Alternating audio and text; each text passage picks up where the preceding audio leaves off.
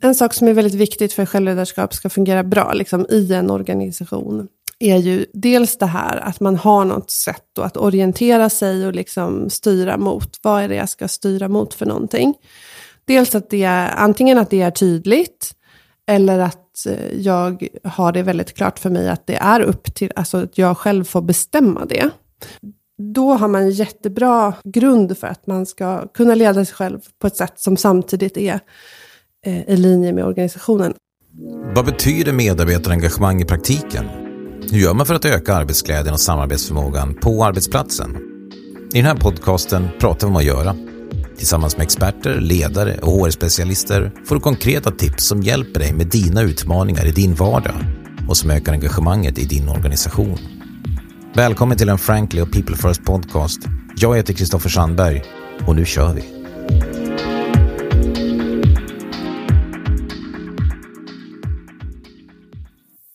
Platta organisationer där medarbetarna själva har ett stort ägandeskap för hur man organiserar, planerar och utför sitt arbete förknippas i många fall med ett stort mått av självledarskap. Men vad betyder egentligen självledarskap? Vad förväntas av HR och av cheferna inom organisationen? Och vad innebär det att som medarbetare leda sig själv? Vad är vinsterna, fördelarna men också fallgroparna och vad behöver finnas på plats i organisationen för att det här ska fungera? En som vet mer än många andra om just det här är Gisla Beklander, arbetslivsorganisationsforskare, doktor i industriell ekonomi och organisation på Kungliga Tekniska högskolan. Välkommen! Tack så mycket. Fick jag med rätt, eh, rätt saker i din titel så att säga? Där? Ja, men jag är doktor från Tekniska högskolan och nu jobbar jag på Karolinska institutet och forskar om hemifrånarbete. Ett högaktuellt ämne helt enkelt. Mm. Var befinner du dig i den forskningsprocessen? Vad gör du just nu? så att säga? Eh, just nu så håller vi på att samla in data och vi gör intervjuer. Och även, folk får även skicka fotografier från sina, sina hemifrån arbetsplatser. Så vi försöker få med rummet i intervjuerna, fast vi inte kan vara på plats, om man säger så. Spännande. Mm. I din doktorsavhandling som heter Autonomous Yet Aligned Challenges of Self-Leadership in Context så belyser du självledarskap och förutsättningar för att det ska fungera. Vilken var din bild av begreppet självledarskap innan du började fördjupa dig i det här? Då hade jag ju inte hört själva ordet självledarskap, tror jag, innan jag började liksom, intressera mig av det. Det var väl min handledare som föreslog att jag skulle undersöka lite kring det. Och så var det också så här att vi hade kontakt med ett rekryteringsföretag eh, som förklarade att de topp tre sakerna som deras kunder bad om i rekryteringarna var att man skulle vara bland annat då väldigt självgående eh, och strukturerad och driven. Typ. Att det var liksom de tre eh, som var de viktigaste egenskaperna. Och jag funderade kring, är det liksom att vara självgående, är det liksom en personlig egenskap som man tar med sig, oavsett vilket jobb man är på? Eller är det någonting mycket mer situationsberoende och som beror på organisationen? Så det handlar inte bara om att vara självgående, utan om att få bra förutsättningar kring det. Och eh, min syn var väl lite att så här, det är kanske inte så mycket ett personligt egenskapsdrag som man får det att låta som. Sen om det är en rekrytering så är det en speciell situation. Då letar man ju efter en person utifrån vissa saker. Men, så jag ville liksom ifrågasätta lite det här. Är det så här personlighetsdrag? Det kanske har mer att göra med situationen. Och vad i så fall i situationen är det som gör, som främjar att man kan vara en självgående medarbetare eh, eller inte. Och sen kom vi in då på det här begreppet självledarskap, där det också finns eh, en definition i forskningen kring vad det handlar om och även den definitionen tyckte jag var lite otillräcklig så jag ville liksom definiera om det lite grann. Låt höra, vad var det som du kände var otillräckligt? Jo, men det begreppet som finns i forskningen som gäller just self-leadership, självledarskapet då, det är en forskare som myntade det här som heter Charles Mans, eh, amerikansk managementforskare, som myntade på 80-talet och där så handlar det mycket om liksom, alltså motivation och det är väldigt mycket fokus på att motivera sig själv på olika sätt. Och jag tyckte egentligen att i kontexten av moderna jobb så är det här med motivationen inte det största problemet, utan det handlar mycket mer om uppmärksamhet. det är det, det som är den trånga sektorn snarare. Hur menar du då? det är så många olika behov och olika krav Ja. som liksom kommer från olika håll. Och det som folk framförallt har så att säga, för lite av, om man säger det, är liksom tid eller uppmärksamhet. Förmågan att uppmärksamma alla de här olika sakerna samtidigt. Det går ju inte, utan man måste då dela upp det på olika sätt.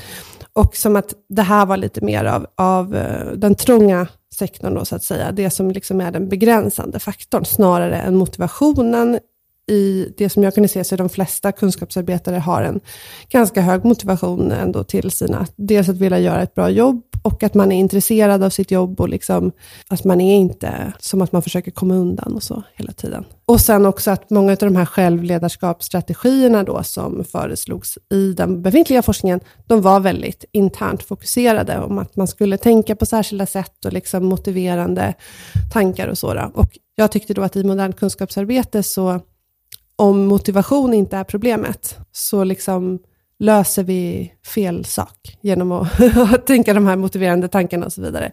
Och att det var mer liksom, hur styrs uppmärksamheten i organisationen och för individerna? Um, och den här autonomous jet align då, det handlar ju om att dels att man ska styra sig själv, men att det ska vara, det ska vara i linje med organisationens mål. Man vill inte folk som självleder att de ska sitta på Facebook hela dagen. det är inte giltigt. Liksom. Eh, utan de ska ju ta, man ska ju ta initiativ som gynnar organisationen. Det är ju det arbetsgivaren vill.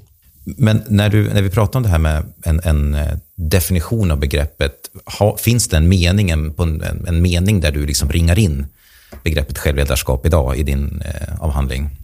Jag brukar definiera det ändå som att det är eh, egentligen en rad beslut som individen måste fatta kring sitt arbete. Eh, I och med att de inte ges av arbetet, så att säga. Att arbetet är liksom lite understrukturerat. Mm. Vad ser du har varit tydligaste fördelarna med organisationer som har ett fungerande självledarskap? Ur organisationens perspektiv så har ju nyttan, eller det man vill uppnå liksom, som nytta, jättemycket att göra med förändringskapacitet, skulle jag säga. Alltså att med vilken hastighet och vilken flexibilitet som man kan förändra i organisationen och att medarbetarna följer med i liksom, svängarna, eller vad man ska säga. Eller Jaha. inte bara följer med, men att de liksom...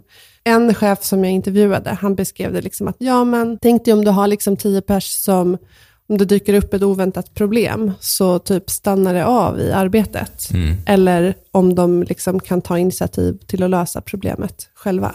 Okej. Och sen också i vad ska jag säga, utnyttjandet av expertisen, där Ja. man ofta då ser det som att även om jag som chef skulle kunna hitta på ett svar så att säga, på det här pro- problemet, så blir det liksom inte det bästa svaret, den bästa lösningen, utan det är medarbetarna som är experter på sina jobb, och därför så behöver mm, besluten, många beslut, ligga hos dem. Om man ser lite mer egoistiskt, eller vad man ska säga, som chef, att slippa liksom ha väldigt instruerande och Ja, hålla handen ledarskap, vilket jag upplever som att många chefer, i alla fall svenska chefer, inte vill göra Nej. det. Inte vill göra det. Här känns det som att vi kretsar kring begrepp som man annars sätter på med agilitet och TIL-organisationer där jag upplever att det, i alla fall besluten är väldigt långt ut i organisationen.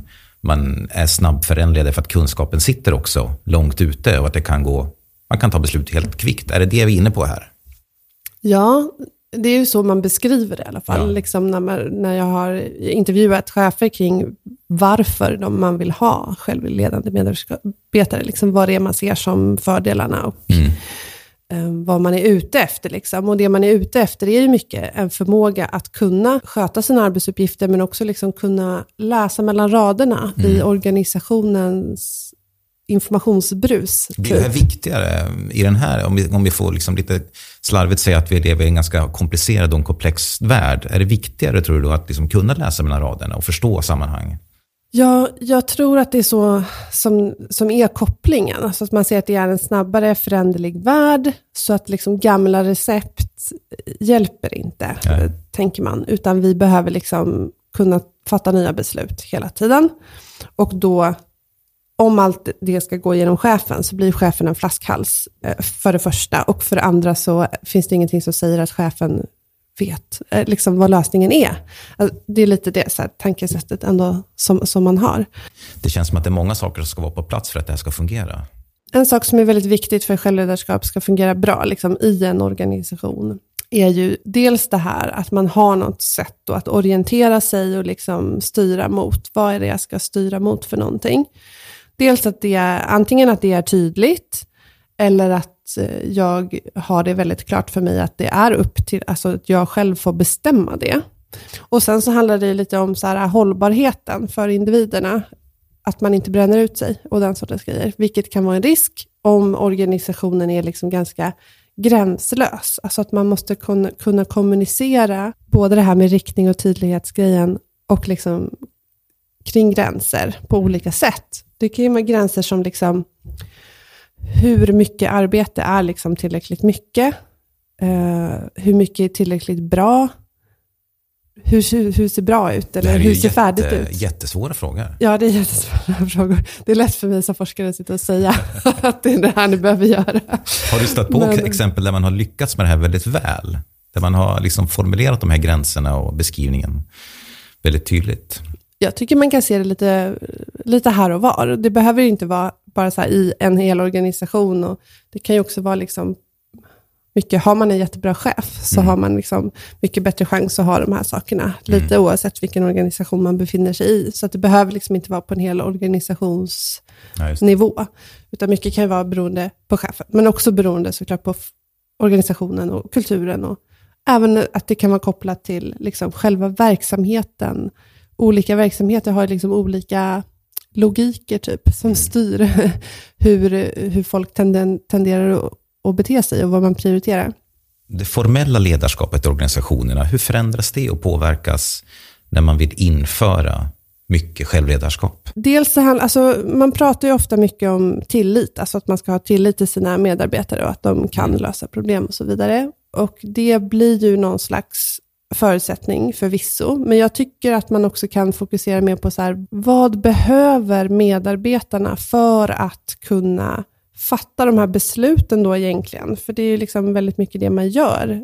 Alltså om man, om man gör ett arbete där det dyker upp nya saker, man löser liksom inte bara samma problem om och om igen på Nej. samma sätt. Då behöver man fatta något slags beslut och då måste man förlita sig på sitt omdöme när man gör det. Och ja. då har man liksom till sin hjälp så har man ju då sin utbildning, man har sina erfarenheter, det man har varit med om tidigare när man har jobbat, och man har liksom organisationen mm. här, och, och, vad man har då från sina kollegor eller från informationsmaterial eller så, som man kan liksom ta del av för att kunna fatta de här besluten. Så jag, jag tycker i alla fall att det är en väldigt liksom bra ingång i att fundera på liksom, hur ska folk kunna leda själva, liksom, vad behöver de då? Mm.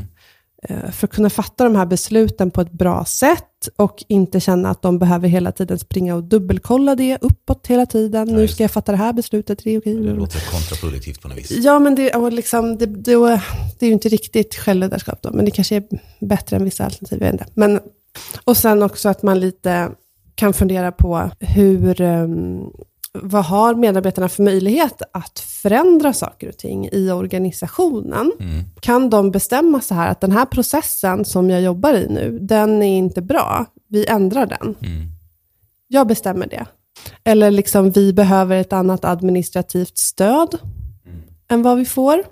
Kan vi få det? Alltså liksom, vad har man för möjligheter att kunna ändra någonting i organisationen? Eller handlar det bara om att man ska hålla, ändra sig själv och anpassa sig själv? För Det är lite den bilden och säga, av självledarskap som jag ifrågasätter. Och liksom, det är också den bilden av självledarskap som jag riskerar att självledarskapet blir så intensivt. För att det handlar om att med inga extra resurser eller någonting, bara liksom för, bara fokusera på att ändra sig själv och anpassa sig själv till alla krav. Utan det måste ju finnas något sätt att kunna, liksom, hur kan man signalera att kraven som kommer genom den här delen av pipen, de är feldimensionerade på något vis. Vi måste liksom ändra här borta.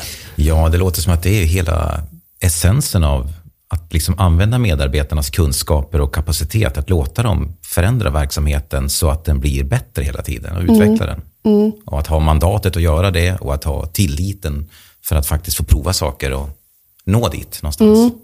Så den tycker jag är väldigt viktig. Ja. Och sen också då så kan jag tycka som ledare att man har ett visst ansvar att se till att liksom det sker de här liksom koordinerande eh, mötena eller någonting. Mm. Alltså det, det, för att om man är ute och liksom leder sig själv och man behöver, alla behöver inte vara på plats kanske, utan det får man välja själv och så vidare, så måste man ju ändå koordinera kring vissa saker.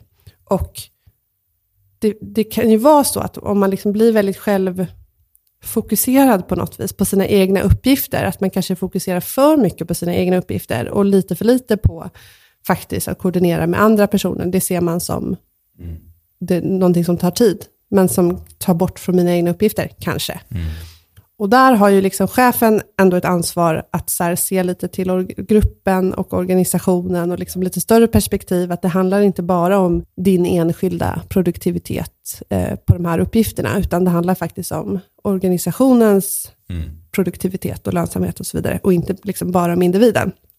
Skaffa sig någon slags överblick och kontroll på att eh, man driver åt rätt håll, men samtidigt inte ha för mycket kontroll och för stor hand på medarbetarnas sätt att lösa sakerna på. Ja, precis. Och att man kan försöka vara ärlig med vad som gäller på något vis. För att vissa saker har medarbetarna kanske inte så stort utrymme att bestämma över. Nej. Och då kan jag tycka att det är bättre att inte låtsas som att det är så.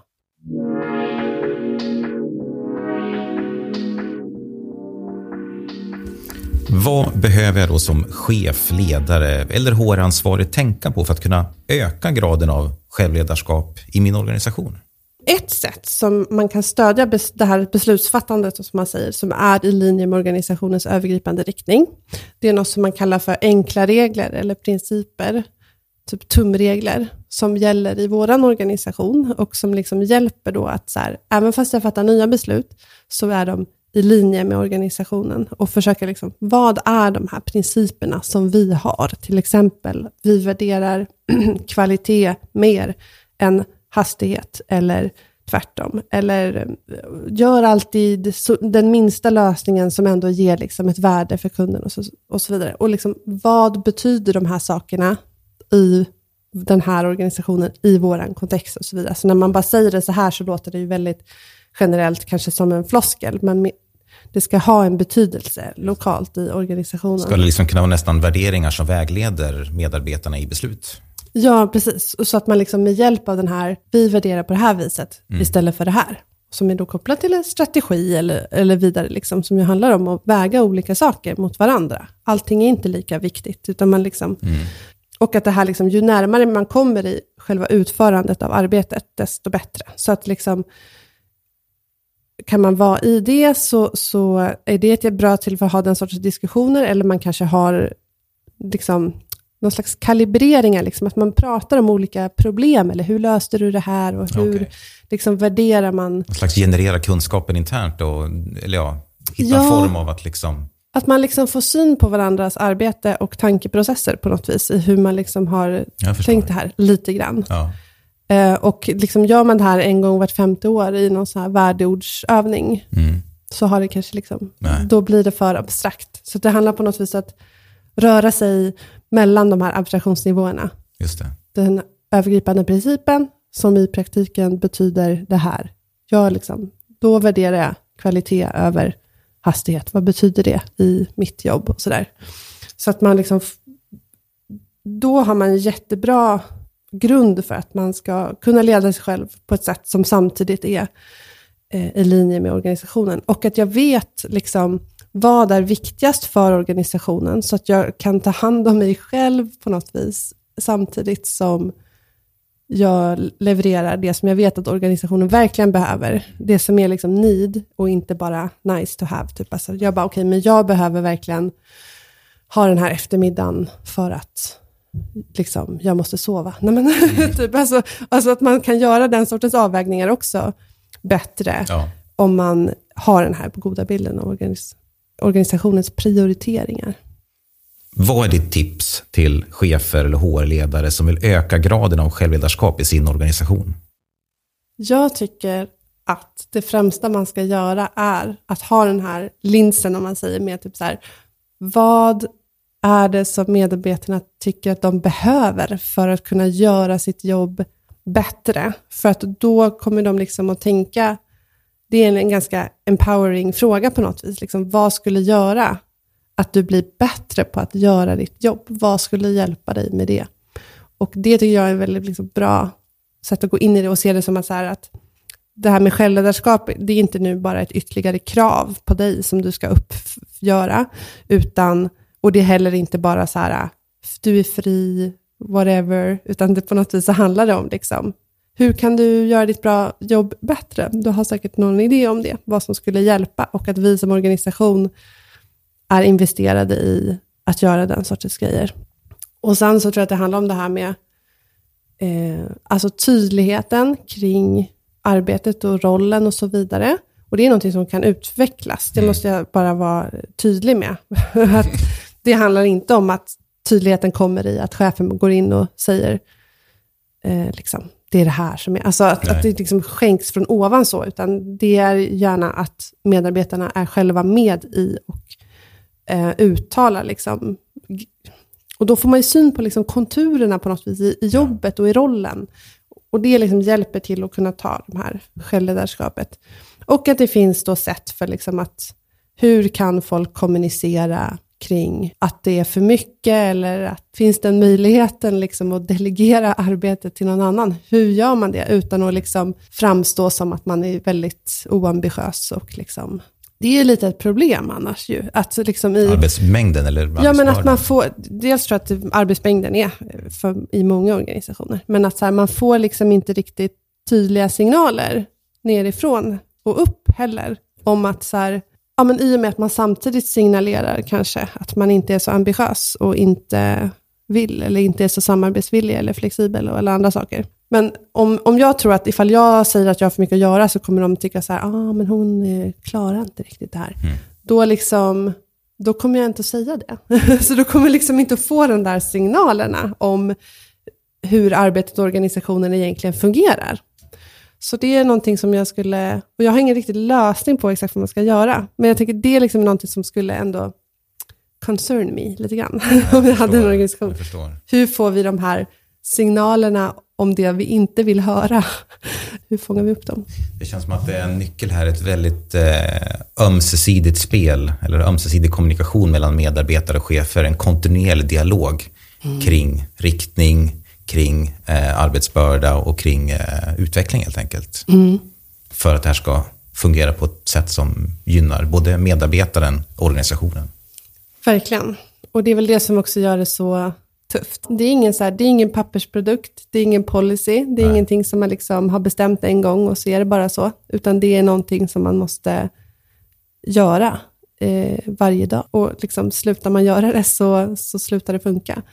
Så det, det är väl det lite tråkiga svaret, att det är tyvärr så. Mm. Självledarskap kan alltså i teoretisk mening sammanfattas som en rad beslut en individ behöver fatta kring sitt arbete då de inte ges av organisationen. Och det handlar inte bara om att som person vara självgående utan också om att få förutsättningar för att kunna vara det. När det här fungerar så bidrar det till en hög förändringskapacitet inom organisationen. Men det gäller att kommunicera ramar och förväntningar och tydliggöra den gemensamma riktningen. Jag säger stort tack för att du tog dig tid att komma till oss, Gisela. Är du chef eller jobbar med HR och vill veta hur du kan använda en Frankly för att arbeta med självledarskap och reflektion? Besök oss på anfrankly.com eller skicka ett mejl till hello. Och prenumerera gärna på den här podcasten. Vi finns där poddar håller till. Jag heter Kristoffer Sandberg. Hej så länge.